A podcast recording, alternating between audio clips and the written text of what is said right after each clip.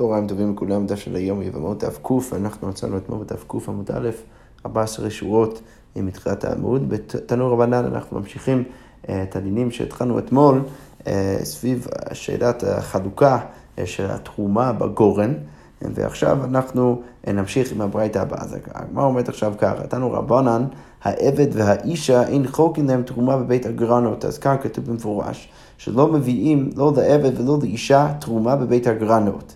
ואז כתוב בצורה יחסית מוזרה, בהמשך הברייתא כתוב, ובמקום שחוקין נותנים לאישה תחילה ופותרין אותה מיד. אז כמו שואל מייקל אומר, מה הכוונה של הברייתא? הרי התחלת, פתחת עם אמירה שאין חוקין לאישה אה, ולעבד תרומה בבית הגאון, ואז פתאום אתה מדבר על מקום שכן חוקין. אז מה הכוונה? אז הגמרא אומרת, הכי כאמר, במקום שחוקין מייסר עני, אז כשמחלקים מעשר עני, שזה קורה לא בגורן אלא בבית, אז נותנים לאיש תחילה, נותנים קודם כל לאישה ורק אחר כך לעבד, מה תימה? משום זילות, אנחנו לא רוצים לזלזל את האישה אה, ולתת, ולתת עכשיו להצטרך לחכות שם עד שאנחנו נביא את המייסרני לעבד, אלא היא מקבלת קודם כל את המייסרני ואז מביאים לעבד. אמר רבא, מרישא, כי הבואתו גברא ואיתתא לדינו קמאי, אז רבא ממשיך את הרעיון הזה של הברייתא, בא ואומר שבהתחלה, כשהיה מגיע גבר, אה, אה, עם איזשהו מקרה שהוא היה מביא איזשהו מקרה לבית הדין, ואיתתה ועוד אישה הייתה מביאה גם כן את המקרה שלה לבית הדין, אז אבשרינא תיגרא דגברא ברישא, אז הייתי מה? הייתי קודם כל מתעסק במקרה של הגבר בהתחלה. ואז, ורק אחר כך הייתי, אה, הייתי מתעסק במקרה אה, אה, במקרה של, ה, של, ה, של האישה. אמינא דמיחי ומצוות, אמרתי, הבן אדם הזה חייב במצוות, הגבר, ולכן אני אשחרר אותו קודם ואז אני אשחרר את האישה. אבל כיוון דשמענה להו, עכשיו ששמעתי את הברייתא שציטטנו עכשיו, ש, שככה מעידה על כך שחשוב להביא קודם כל לאישה משום זילותא, אשר הנה תיגרא דאיתתא ברישא, אז, אז, אז עכשיו אני מבין שצריך קודם כל להתעסק במקרה של האישה, ורק אחר כך אה, אה, במקרה של הגבר, מה הייתה עמו משום זילותא. אוקיי, עכשיו דיברנו שוב במשנה הקודמת אה, על מקרה שבו, שבו שני, שני ילדים התערבבו יחד, הילד, הוולד של הכהנת והוולד של שפחתה. עכשיו, אנחנו לא יודעים מיהו הכהן ומיהו העבד. עכשיו, היה כתוב שם במשנה שאם הם, הם, הם גדלו שניהם ושחררו זה את זה, אז... אה, אז אמרנו ש, שעכשיו יש כל מיני נפקמינות אה, שהם יכולים פתאום להתחתן, בגלל, ש, אה, בגלל שכל אחד ואחד מהם, לפחות בר ישראל, אולי אומנם אמרנו שהם צריכים להתחתן עם נשים ראויות לכהונה, בגלל שכל אחד ספק כהן, אבל זה גם מביא לכל מיני נפקמינות. עכשיו, הבעיה של הגמרא היא ש... שלכאורה משמע במשנה, שהם לא חייבים לשחרר זה את זה, אלא רק אם, אם הם רצו לשחרר זה את זה, אז יש כל מיני נפקא מינות. אז כמו אומר, שחררו, היא בואי אין, היא לא בואי לא, מה אתה רוצה להגיד שזה דווקא אם הם רוצים, אבל אם הם לא רוצים, הם לא צריכים, וימי, ליסר שפחה אינו יכול, בת חורין אינו יכול, הרי מדובר כאן במקרה של שני אנשים האלה, בגלל שכל אחד ואחד מהם הוא ספק כהן, ספק עבד, אז כל אחד ואחד מהם לא יכול להתחתן. למה לא יכול להתחתן עם שפחה? כי הוא ספק כהן, וגם לא יכול, לא יכול להתחתן עם בת חורים, בגלל שהוא ספק עבד. ולכן זה, זה, זה לא איזה, איזה, איזה דבר שהוא ברצון שני אנשים שהם יכולים, אם הם רוצים לשחרר את זה, את זה. לא, לכאורה חייבים לשחרר את זה, את זה, כדי שכל אחד יוכל להתחתן. אמר רבא, אז הגמרא אומרת, אמר רבא, אם הכופין אותנו משחררים זה את זה. אז צריך לקרוא מחדש בתוך המשנה, שהם באמת כופים אותם ואז הם משחררים זה את זה. אוקיי, אמרנו בסוף המשנה שאחרי שהם משחררים זה את זה, אז נותנים עליהם חומרי אה, כהנים וגם כן אה, אה, חומרי הישראלים. אז הגמרא אומרת, למה, מה בעצם הנפקמינה של האמירה הזאת? אז הגמרא אומרת, אה, או למה היא הלכתה? הגמרא שואלת. אז הגמרא אומרת, אמר רב למנחתם נקמצת כמנחת ישראל ואין הנאכל כמנחת כהנים. אז, אז, אז כדי להבין את האמירה כאן של רב פאפא צריך להבין קצת רקע, שבדרך כלל כשישראלי מביא קורבן מנחה, אז, אז לוקחים איזה קומץ, איזה חלק קטן מה, מהקורבן, מקטירים את זה על גבי מזבח, ואז השאר נאכל. אבל המנחה של הכהן, כולו נקטר, אה, כולו מקטירים על גבי המזבח. אז הרב פאבא בא ואומר, מה, מה, מה הנפקמינה באמירה של המשנה שנותנים עליהם את, הח, את החומרות של ישראלים וגם כן החומרות של הכהנים? אז הנפקמינה היא שלגבי המנחה שלהם צריך לעשות סוג של שניהם. גם מנחתם נקמצת כמנחת ישראל, צריך לקחת קומץ ולהקטיר את זה גם במזבח, ואינה נאכלת כמנחה כהנים. מצד שני, גם אי אפשר לאכול את השיריים כמו המנחה של הכהנים, כי אנחנו יודעים שהמנחה של הכהנים כולו, אה, הם מקטירים כולו על גבי מזבח. אז הגמרא שואלת איך אפשר באמת לעשות את זה? אוקיי, זה הקומץ קרב בעצמו, צריך קודם כל לקמוץ, לקחת את הקומץ ולהקטיר את זה בפני עצמו, באיזשהו חלק של עצמו על גבי מזבח, והשיריים קרבים בעצמם, ואז את השיריים גם כן להקטיר על גבי מזבח, אבל רק לא ביחד. עכשיו, הגמרא אומרת, יש עם זה בעיה, כי למה? כי כל אחד כאן הוא ספק כהן, ספק ישראל. עכשיו, אם הוא ישראל הצד שהוא ישראל, אז יוצא שבאמת היינו צריכים רק לקחת את הקומץ, להקטיר את זה על גבי המזבח ולאכול את השאר. אז יוצא שאתה באמת מקטיר משהו על גבי המזבח שהוא לא אמור להיות שם. אז הגמרא אומרת, איקרי כאן כל שממנו לאישים הרי הוא בבל תקטירו. הרי אנחנו יודעים שכל קורבן שיש דבר שחלקו אתה מקטיר על גבי המזבח, אז את השאר אתה לא יכול להקטיר על גבי המזבח, צריך לאכול את זה. אז איך אתה יכול לבוא ולהקטיר משהו שהוא ספק, משהו שצריך לאכול ולא להקטיר על גבי המזבח? אז הגמרא אומרת, אמר רבי יהודה ברדי רבי שמעון בן פזי, איך אפשר לתרץ את השאלה? דמסיק או דמסיק להו לשום עצים. צריך להגיד שכשהוא מקטיר אותם, אז הכוונה שלו זה להקטיר אותם לשום עצים. אם זה באמת צריך להיות כמו המנחה של הכהנים, ואני באמת כהן, אז בסדר, אני מקטיר את זה. אבל אם אני ישראלי, באמת לא, אמור, אני לא הייתי אמור להקטיר את זה במזבח בתור קורבן, אז אין לכי נמי. הדעת שלי זה לא שאני מקטיר את זה בתור קורבן, אלא שאני מקטיר את זה כמו עצים. כי רבי אלעזר, דתני רבי אלעזר אומר, לריח ניחוח אי אתה מעלה, אבל אתה מעלה לשום עצים. שיש מחלוקת בין חכמים ורבי אלעזר, מה צריך לעשות עם איברי הקורבן חטא ואיברי עולה שהתערבו יתערבבו ביחד. עכשיו, לגבי האיברים של העולה צריך להקטיר אותם לגבי המזבח, אבל האיברים שלך אתה צריך לאכול אותם. אז מה אפשר לעשות? הרי אני לא יכול להקטיר אותם כי אני לא יכול להקטיר את האיברי החטא, וגם כן לא יכול לאכול אותם כי אני לא יכול לאכול את איברי העולה. אז רבי לוזר מציע שצריך להקטיר הכל במזבח, איי, זה שאני מקטיר משהו שאני לא הייתי אמור להקטיר במזבח, והרי הוא בבל תקטירו, אז רבי לוזר בא ואומר, אתה יכול כאילו לכוון לזה שאם זה באמת של החטא, אתה, אתה מקטיר את זה במזבח מדין עצים ולא לא משום, לא מדין קורבן. אז הגמרא אומרת, הניחן לרבי אלעזר, אז כל זה הוא בסדר גמור לרבי אלעזר, שהוא באמת, יש לו את הסברה הזאת, אבל אלה רבונה מייקל ממנו, מה תעשה עם הקורבן מנחה של הספק, סליחה, של הספק כהן, ספק ישראל, שבא ומקריב את הקורבן מנחה שלו, מייקל מימר, אז הגמרא אומרת, דאבי לקרבי אלעזר ברבי שמעון, צריך להגיד שלפי חכמים שחולקים מרבי אלעזר ולא סוברים שאתה יכול סתם להקטיר משהו לגבי המזבח.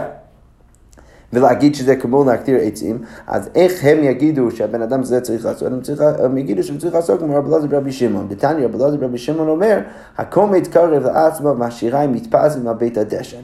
אז, אה, אה, אז, אז הגמרא בעצם אומרת שיש מקרה של, אה, של כהן שמביא, שמביא מנחת חוטא, אז, אז, אז הכהן, יש התלבטות ברגע שהוא מביא מנחת חוטא, האם דינו כמו המנחה שהוא מביא בתור נדבה, שבעצם מה שהסברנו לפני כמה דקות, שהמנחה של הכהן, אה, מקטירים את כולו על גבי המזבח, זה רק לגבי מנחת הנדבה של כהן, אבל כשהוא מביא מנחת חוטא, אז יש התלבטות איך הוא צריך להקריב את זה, כי הרי כתוב בתורה, נשמע מהתורה, שאפילו המנחה של הכהן צריך להיות דומה למנחה של ישראל, אם זה מנחת חוטא.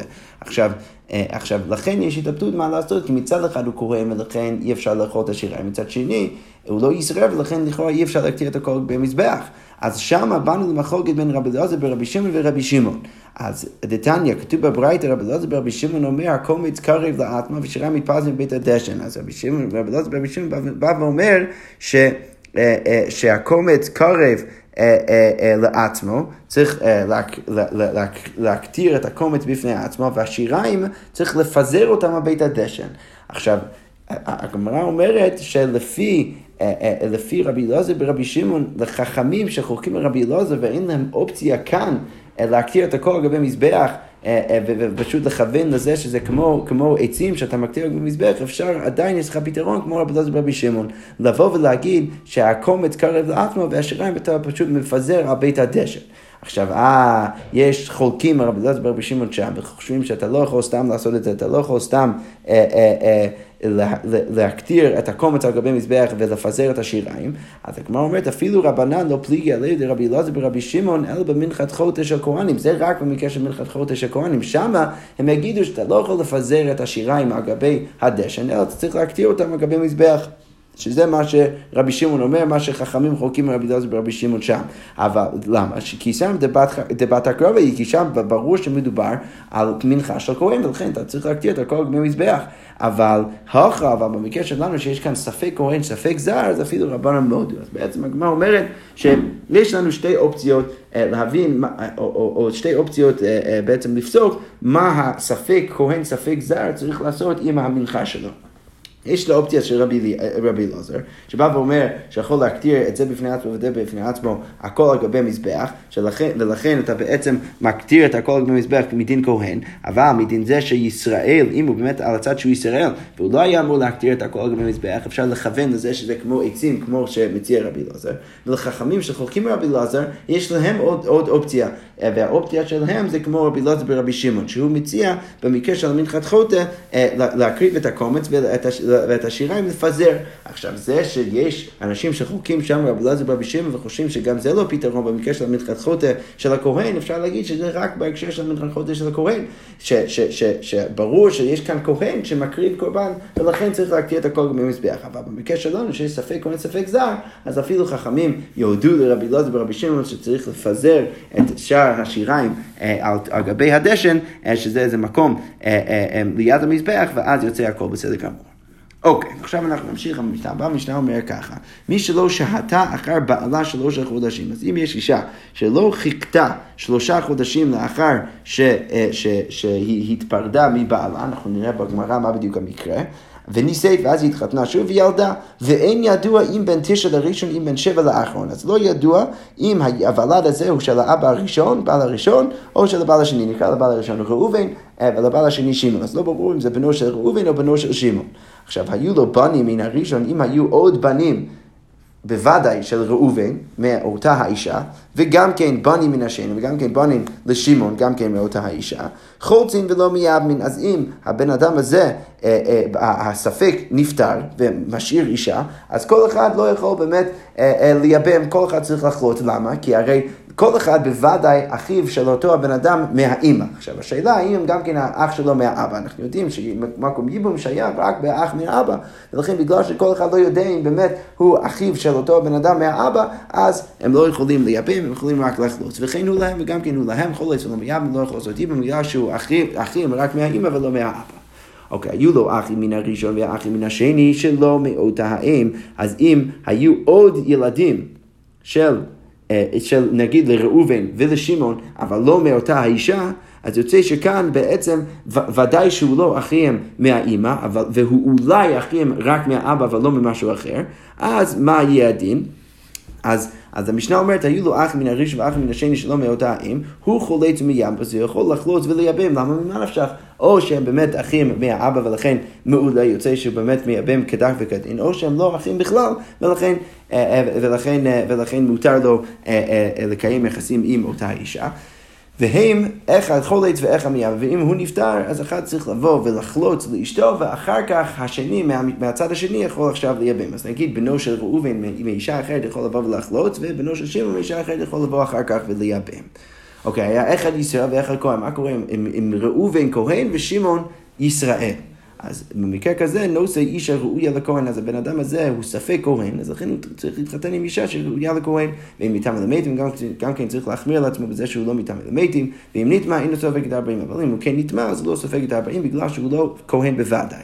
ואינו אוכל בתשומה, גם כן לא יכול לאכול בתשומה, ואם אוכל אינו משלם קרן בחומש, אז הוא לא יכול לאכול בתשומה, בגלל שהוא לא, לא כהן בוודאי, מצד שני, אינו משלם קרן בחומש, כי המוציא מחבר לב הראייה, הכהן אה, לא יכול לבוא ולטעון ממנו את הכסף, בגלל שהוא יכול להגיד, תביא ראייה שאני לא כהן, ואז אני אשלם לך, הכל אתה לא מביא ראייה, אני לא צריך לשלם לך, זה מאוד דומה כמובן למה שראינו במשנה הקודמת. ואינו חולק על הגורן, גם כן הוא לא מקבל חלק בגורן, הוא מוכר את שומה והדם שלו, אבל כן יכול להפריש טומאה מהאוכל שלו, ולמכור את זה, ואז הדם שלו, כי אף אחד אחד לא יכול לטעון ממנו את הכסף. ואין חולק בקודשי הקודשים, לא מקבל את אורות הקודשים. ואין נותנים לו את הקודשים, גם כן לא מביאים לו את הקורבנות בכור, אבל אין מוציאים אה, את שלו מידו, אי אפשר להוציא אותו מידו, כי שוב המוציא מחבר אליו הראייה. פוטר מן הזרוע וחליים והקיבה, הוא לא צריך להביא זרוע לחיים וקיבה לכהן, ובכורו יהיה רוע עד שיסתיו, אז הוא צריך להשאיר את הבכור שלו. אה, בשדה עד שנופל במום, ואז הוא יוכל לאכול את זה, כי רק אחרי שנופל מום בבכור הוא יכול לאכול באמת את, ה, את, את, את הבכור אפילו אם הוא זר, אפילו אם לא כהן, ונותנים עליו חומרי כהנים וחומרי ישראלים, כמו שהסברנו גם כן בעמוד א', ששם אפשר להבין שמדובר על הדין הזה. שיש גם, גם כן חומה של כהן וגם כן חומה של ישראל כשהם מביאים קורבן מנחה. אוקיי, יפה, אז בעצם במקרה כזה אנחנו רואים הרבה הרבה דינים מאוד מאוד מקבילים למה שראינו במשנה הקודמת, שאם הוא ספק כהן, ספק ישראל, אז אה, מצד אחד יש לו, יש עליו את כל החומות של הכהן, ומצד שני, אה, אה, מצד שני גם כן כל כהן לא יכול לטעון ממנו כסף בגלל שהמוציא מחבר, מחבר אליו הראייה. אוקיי, היו שניהם כהנים. עכשיו, אם שני הגברים, ראובן ושמעון, שניהם כהנים, אז עכשיו הילד הזה הוא ודאי כהן, הוא רק לא יודע מי האבא שלו.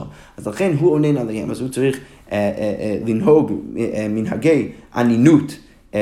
אנינות על, על, על המוות של שני המשפחות, למה? כי הוא ספק בר משפחה שלהם, ולכן באותו הרגע הוא לא יכול לאכול את הקודשים, והם עונים עליו, גם כן הם צריכים לנהוג את מנהגי האנינות עליו. הוא אינו מטעמי להם, אז הוא לא יכול להתעמד להם בגלל שהוא לא בטוח המשפחה שלו, והוא ודאי כהן, והם אינם מטעמי לו, וגם כן הם לא מטעמי לו, בגלל שהוא לא ודאי המשפחה שלהם. הוא אינו יורש אותן, אבל הם יורשים אותו, אז הוא לא יכול לרשת אותם, הם כן יורשים אותו. פתו על מכתו ועל קללתו של זה ושל זה, אז לא עונשים אותו אם הוא מכה, למרות שבדרך כלל בן אדם שמכה אביו, כתוב בתורה מאוד יומת, לא, מקל, לא, לא, אה, לא מביאים לו עונש עבור זה שהוא מקלל אה, אה, או מכה אחד או רובין או שמעון, בגלל שכל אחד ואחד מהם זה לא בהכרח אבא שלו, ועולה במשמרו של זה ושל זה, אז הוא כן יכול ללכת לבית המקדש לעבוד במשמרו של זה ושל זה, ואין יכול כבר לא לוקח חלק מהאוכל של אותה המשמר. אבל אם היו שניהם במשמר אחד, אם ראובן ושמעון שניהם היו במשמר אחד, אז הוא נותן חלק אחד, אז הוא כן יכול לקחת חלק אחד. אוקיי, אז הגמרא עכשיו חוזרת למקרה הקודם. לפני שהתעסקנו בשאלה של הכהונה, אז אמרנו שאם אה, היו לו אחים, או אם היו לראובן ולשמעון בנים מאישה אחרת בכלל, אז במקרה כזה, אם הוא נפטר, אותו הספק נפטר, אז אחד מהם, נגיד הבן של ראובן מאישה אחרת יכול עכשיו לחלוץ, והבן של ראובן אה, סליחה, והבן של שמעון מאישה אחרת יכול לבוא עכשיו אחר כך ולייבם. אז הגמרא אומרת, דווקא מלכת ועד ייבום צריך להיות קודם כל שחוצים ואז מייבמים. אבל ייבום ברשת לא, לא יכול להיות שאחד מהם בא ועושה ייבום בהתחלה. למה? דקפגו ביבם לשוק, כי יכול להיות שההוא שעושה את הייבום הוא לא באמת אחיו, ולכן יוצא שהאישה הזאת לא הייתה מותרת לשוק, ולכן צריך קודם כל לעשות לה חליצה כדי שתהיה מותרת לשוק, ואז אה, לייבם, ואז ממנה שהאח יוצא בסדר גמור, או שזה באמת האח שעכשיו מייבם, או שזה לא האח, אבל כבר עשו לה חליצה ולכן היא מותרת לשוק. אוקיי, אמר שמואל, עשר הכהנים עומדים הוא פירש אחד מהם. אז אם היו עשרה כהנים, ופירש שאחד מהם הוא בעל, אז, אז אחד מהם פורש מאותה קבוצה, לא, לא יודעים מי זה, מי, מי הוא ההוא שבאמת פרש, וקיים יחסים עם אישה, והיא הולידה ולד, אז שמואל בא ואומר, הוולד שטוקי. עכשיו השאלה, מה בעצם הנפקא מינה של האמירה הזאת? אנחנו יודעים בוודאות שהוולד הזה הוא כהן. אה, והוא כשר, כי, כי אין כאן, אין שום בעיה של ממזירות, אין שום בעיה של כהונה, והוא ודאי כהן וודאי כשר. אז עכשיו, באיזה מובן אנחנו מתייחסים אליו כשטוקי? אז הגמרא אומרת, מה שטוקי? אילם שמשתקים אותו מנכסי אביו, פשיטם, אתה רוצה להגיד שהוא לא יכול לקבל נכסי אביו, אז זה ודאי נכון, כי אנחנו לא יודעים מי האבא שלו. מי הדין הרבו אמרנו? אז אלא מה, מה צריך להיות הכוונה? אלא שמשתקים אותו מדין כהונה. צריך להגיד שמשתקים אותו מדין כהונה, מה הכוונה? שהוא כבר לא מקבל את כל הזכויות של הכהן. רש"י כותב מי לעבור לעבודה, לא יכול לעבוד עבודה בבית המקדש בגלל שאנחנו לא יודעים מי האבא שלו. אז הגמרא אומרת, מה הייתה, מה הסיבה? הרי הוא כהן, ממה נפשך? אז הגמרא אומרת, אמר קרא, והייתה לו ולזרעו אחריו. כתוב בתורה, והייתה לו לזרעו אחריו לגבי הכהונה. אז מה בעינן? בעינן זרעו מיוחס אחריו, ולגע צריך שהוא ידע מי האבא שלו, רק אם הוא יודע מי האבא שלו, אז הוא יכול לתפקד כמו כהן ולעבוד בבית המקדש. כל עוד לא יודע, הוא לא יכול לבוא ולתפקד בבית המקדש. וגמרתי לרב פאפה, רב פאפה מקשה, אלא מעט לגבי אברהם דכתיב להיות לך לאלוהים וזרעך אחריך, הטה מייקה מזהר לרחמנה, אם אצל הכהן אנחנו קראנו את המילה ולזרעך אחריך, שצריך להיות רק ההוא, שאתה יודע מי אבא שלו, הוא נחשב ככהן, ואחרת הוא לא יכול לעבוד את עבודת הכהנים, אז כאן, כשכתוב לזרעך אחריך, מה, מה בעצם האזהרה כאן? אז הגמרא אומרת, אחר כך אמר לה, ככה אמר הקדוש ברוך הוא לאברהם, לא תנסף גויה ושפחה, אתה לא יכול להתחתן עם גויה ושפחה, דלא לאיזה זרעך בתרה. צריך להתחתן עם נשים שהבן שלה, של אותם אנשים, אז, או שלהן, אה, ילך אחריך ולא אחריהן. ולכן אתה, אה, אה, יש איזושהי אזהרה מכאן, שאברהם ויהודים בכללי לא אמורים להתחתן עם גויות ועם שפחות. אוקיי. מתי והגמרא מקשה על שמואל, האם זה באמת נכון שבן אדם שלא יודע מאבא שלו, אבל הוא ודאי כהן לא יכול לעבוד עבודה בבית המקדש, הרי כתוב ראשון ראוי לכהן גדול. עכשיו, מה המקרה כאן? המקרה כאן זה מקרה ש, ש, שבן אדם ייבם אשת אחיו בתוך שלושה חודשים. אתה לא יודע, הוולד שיוצא הוא ספק תשע לראשון, ספק בין שבע לאחר, אתה לא יודע שם מי הוולד. יכול להיות שהאח שעכשיו קיים את הייבום, נגיד אם הוא כהן, אז, אז יכול להיות שהוולד שיצא עכשיו, בגלל שהוא עשה את זה כזה מוקדם, אז אתה לא יודע אם זה הוולד, זה הוולד של הראשון, והייתה באמת בהיריון, כי לא חיכה שלושה חודשים, או אם זה הוולד שלו. עכשיו, כתוב במשנה שם שהראשון ראוי להיות כהן גדול. אז אם אתה אומר ש, שכל פעם שהוא לא יודע מאבא שלו, איך יכול להיות שהוא כהן גדול? אז הגמרא אומרת, ואבא אינן זר מיוחס אחריו בלקה, הרי, הרי לפני רגע אמרנו שצריך לדעת מי האבא, כדי שהוא יהיה כהן בכלל לעבוד עבודה, עבודה בבית המקדש, ואתה אומר, אה, אה, סליחה, אז, אמר שמואל שכדי שהוא יעבוד עבודה בבית המקדש צריך לדעת מאבא שלו, מכל שכן שלא יכול להיות כהן גדול. אז הגמרא אומרת לו, זר רוב מיוחס אחריו דרבנן, זה רק אמירה דרבנן, הוא יקרא אסמכתא בעם, אבל מדינה הוא כן יכול לא רק לעבוד עבודה בבית המקדש, אלא גם כן אפילו ראוי להיות כהן גדול. והגמרא אומרת, כל, ה, כל, סליחה, כל הדבר הזה זר ומיוחס אחריו דרבנו כעס מחמדה, אבל כי גזו רבנן וחכמים כשהם גזרו, הם גזרו רק בזנות, אבל בנישואין לא גזו רבנן, ולכן כאן במקרה כזה, אה, בגלל שמדינה יכול להיות כהן, כהן גדול וחכמים גזרו רק במקרה של זנות ולא במקרה של נישואין, אז במקרה שהבאנו עכשיו של הייבום, שהאח שייבם את אשת אחיו רק תוך שלושה חודשים, בגלל שזה הקשר של נישואין וייבום ולא הקשר של זנות, אז אנחנו נגיד שהוולד יכול להיות אפילו כהן גדול. אוקיי, הוא בזנות, אבל הגמרא שואלת מי גזרו רבנו, האם החכמים באמת גזרו בזנות, וכאן אנחנו ניכנס בעצם למשנה שלנו. אז, אז אנחנו ננסה להוכיח שהמשנה שלנו ודאי מדברת במקרה של זנות, ואנחנו רואים ש, שאם היא מדברת במקרה של זנות, אז כנראה שחכמים לא באמת גזרו במקרה הזה. ורתנן, הרי כתוב במקרה שלנו, מי שלא האישה אחר בעלה שלושה חודשים נישא ולילדה. אוקיי, מהי אחר בעלה? אז עכשיו השאלה, מה בעצם המקרה כאן? מה, מה הכוונה שהיא לא חיכתה אחר בעלה? הגמרא שואלת, אילם אחר מיתת בעלה, אם אתה רוצה להגיד שהיא לא חיכתה לאחר שנפטרה בעלה, או שנפטר בעלה שלושה חודשים, אז זה לא הגיוני, למה? כי אם הספר כתוב בהמשך המשנה, הוא עונן עליהם והם עונים עליו, כתוב שבמקרה שיש את הספק הזה, אז הוא... הוא הופך להיות אונן, הוא צריך לנהוג מנהג אנינות עליהם, על שני האבות שמתו, והם עוננים עליו. אז הגמרא אומרת, בשלמה הוא עונן עליהם, אני יכול להבין איך הוא יכול לנהוג ענינות עליהם, על שני המשפחות. מי שכח עליו בנישואין דשני וליגוד עצמו דקאמה, אז יכול להיות שהוא צריך לנהוג מנהג ענינות על זה ש, ששמעון נפטר, השני נפטר, והראשון שאנחנו מניחים כרגע שכבר נפטר, כי מדובר במקרה שאישה התחתנה לאחר מיתת בעלה תוך שלושה חודשים, אז זה אפשר להבין שהוא עדיין יכול לנהוג ענינות בזה שהוא צריך ללקט את עצמות האביב מספק. בסדר, את זה אפשר להבין. אבל אלא הם עונים עליו, איך הם ישכח עליו, איך אפשר למצוא מקרה שבו שני האנשים האלו, ראובן ושמעון עוננים או נוהגים מנהג ענינות על הספק הזה. אם מדובר באמת במקרה שהאישה הזאת התחתנה לאחר מיתת בעלה, לאחר מיתת, שמו, מיתת ראובן, אז יכול להיות שיש מקרה שראובן ושמעון נוהגים מנהג אנינות אה, כלפי הספק הזה. אז, אל, אה, אה, אה, אז, אז הגמרא אומרת, אלא הם עוננים עליו, איך משכח לו, כמה המת לי, אנחנו יודעים שראובן כבר נפטר, אלא צריך להגיד שזה, שלא על זה מדובר. ואלא, הגמרא אומר בגרושה, מדובר על אישה שגירש אותה בעלה, ואז היא התחתנה תוך שלושה חודשים. ומהי אחר בעלה? אחר גט בעלה צריך להגיד שמדובר על מקרה שהיא התחתנה תוך שלושה חודשים אחר שהביא לבעלה את גיתה. אבל עדיין זה לא הגיוני, אם הספר הוא אין מטעמי להם והם אינם מטעמי לו. אז כתוב ש, שאם שני הגברים, ראובן ושמעון, שניהם היו כהנים, אז הוולד ודאי כהן, ולכן הוא לא יכול להיטמא להם בגלל שהם רק ספק אבא שלו, ולכן הוא לא יכול להיטמא לבן אדם שהוא לא בוודאי אבא שלו, והן גם כן אינן מטעמי לו. זה יצא קשה, בשלמה הן אין מטעמי לו, אני מבין לחומרה, כל אחד ואחד מהם לא יכול להתאמן לו, כי כל אחד ואחד מהם לא יודע בהכרח שזה ההבלה שלו. וכל אחד ואחד דילמה לאו בראיו, זה לא, לא בהכרח הבן שלו, ולכן הוא לא יכול להתאמן. אלא הוא אין מטעמי להם המאי, למה הוא לא יכול להתאמן להם?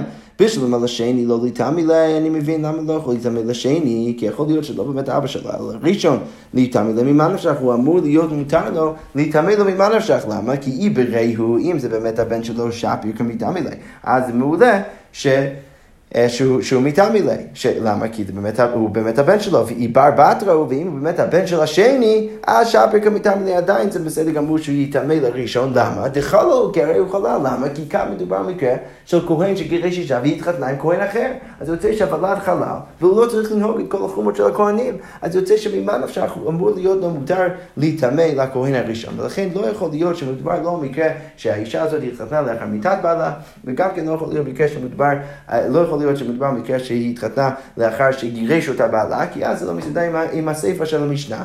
אלא לה בזנות, צריך להגיד שהמשנה שלנו מדבר בזנות, ומאי אחר בעלה, אחר בועלה, צריך להגיד שהיא בעצם אה, אה, קיימה יחסים עם מישהו אחר שהוא בעל אותה, אז היא בעצם קיימה יחסים עם מישהו בזנות, ואז תוך שלושה חודשים קיימה יחסים עם מישהו אחר.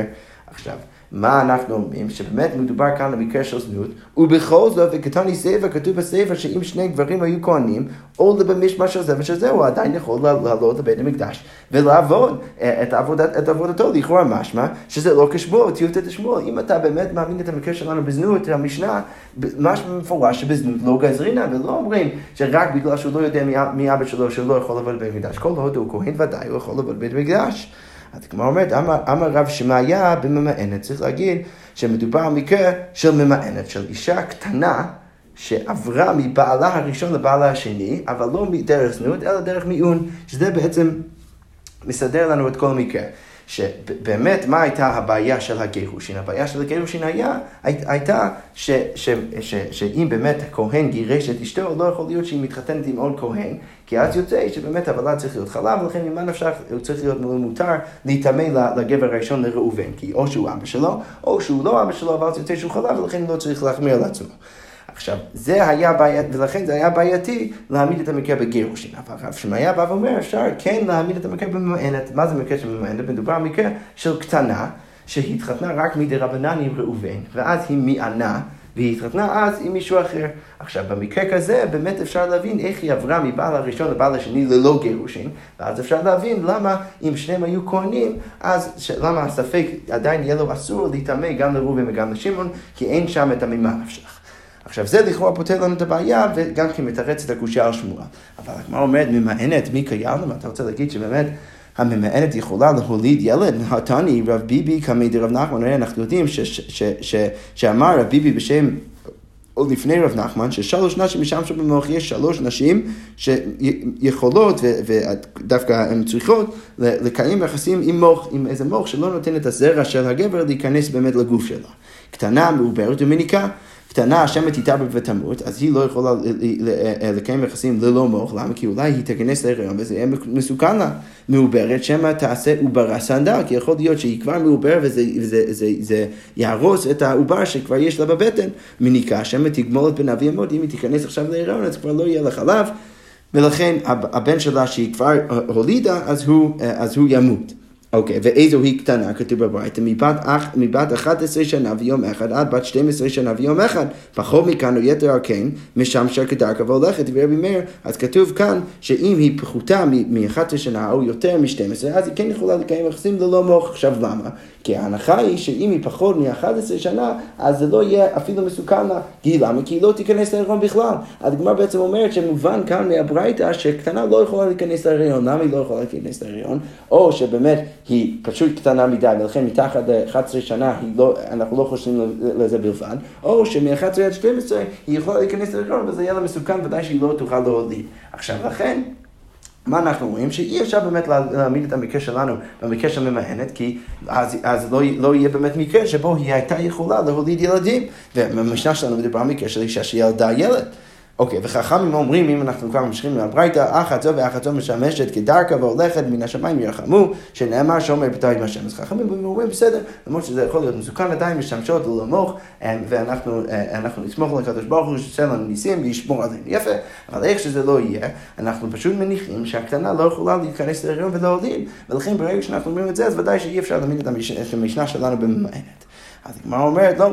עדיין אפשר להעמיד את המקרה שלנו במקרה אחר ושונה, שהוא לא מקרה של זנות. באיזה מקרה אפשר להעמיד את המשנה? משכח אלא בקידושי טעות, אפשר להעמיד את המשנה שלנו בקידושי טעות. שמדובר על מקרה ש... שבן אדם קידש אישה, ואז הם היו נשואים ממש, אבל הוא קידש אישה על תנאי. עכשיו, ברגע שלא קיים התנאי, היא יכולה עכשיו לצאת ממנו וללכת לבן אדם אחר. עכשיו, דרך זה אנחנו יכולים להבין ולייצר איזשהו מקרה שהאישה הזאת יכולה ללכת מבן אדם אחר לבן אדם שני בלי גירושים, ולכן עדיין אפשר להבין את המקרה של הכהונה, למה הוולד לא יכול להיטמא לא לראובן ולא לשמעון, ולא בהכרח צריך להאמין את המשנה שלנו בזנות. וכדרב יהודה אמר שמואל, אמר רב יהודה אמר שמואל משום רבי ישמעאל, והיא לא נתפסת, כתוב אצל הסוטה. שהסוטה היא, היא, היא עשתה משהו בעייתי רק במקרה שהיא לא ש, שלא היה שם אה, אה, שום אונס. אבל במקרה כזה היא לא נתפסה אסורה. הנתפסה מותרת לכאורה משהו מזה שאם היא, אה, היא נתפסה וזה היה באונס, אז היא מותרת. אוקיי, ומה הדיוק גם כן מהפסוק? שדווקא, שזה לא רק המקרה הזה שאז היא תהיה מותרת, יש לך אחרת שאף על פי שלא נתפסה מותרת, יש לך עוד מקרה של מישהי שלא נתפסה, שעדיין מותרת, ואיזה זו, זו, זו, זו קידושיה, קידושי טעות, מדובר על אישה ש... קידושיה קידושי טעות, שאפילו בנה מורכב לה הכתפה, אפילו אם הולידה ילד מאותה בן אדם, ברגע שלא קיימו את התנאי של הקידושין, אם הבן אדם הראשון ממאנת והולכת לה, היא יכולה ללכת לבן אדם השני. ולכן אפשר להבין מקרה שבו האישה יכולה ללכת מבן אדם ראשון לבן אדם השני ללא גירושין, שזה קידושי טעות, ולכן אה, אין ממה נפשך להגיד, ולכן אפשר להבין למה הוולד, אם הוא ודאי כהן, לא יכול להיטמא, לא לראובן ולא לשמעון, ולא צריך בהכרח להעמיד את המשנה שלנו במקרה של זנות, ולכן אה, אין כאן ראייה נגד שמואל, ועדיין אפשר להעמיד את האמירה של שמואל, שבא ואומר שוולד ש, ש, ש, שנולד בתור שטוקי, לא יודע מי אבא שלו, והכל קרה בהקשר של, של זנות, אז שהילד הזה לא יכול לעבוד את העבודה שלו בבית המקדש. שקויה.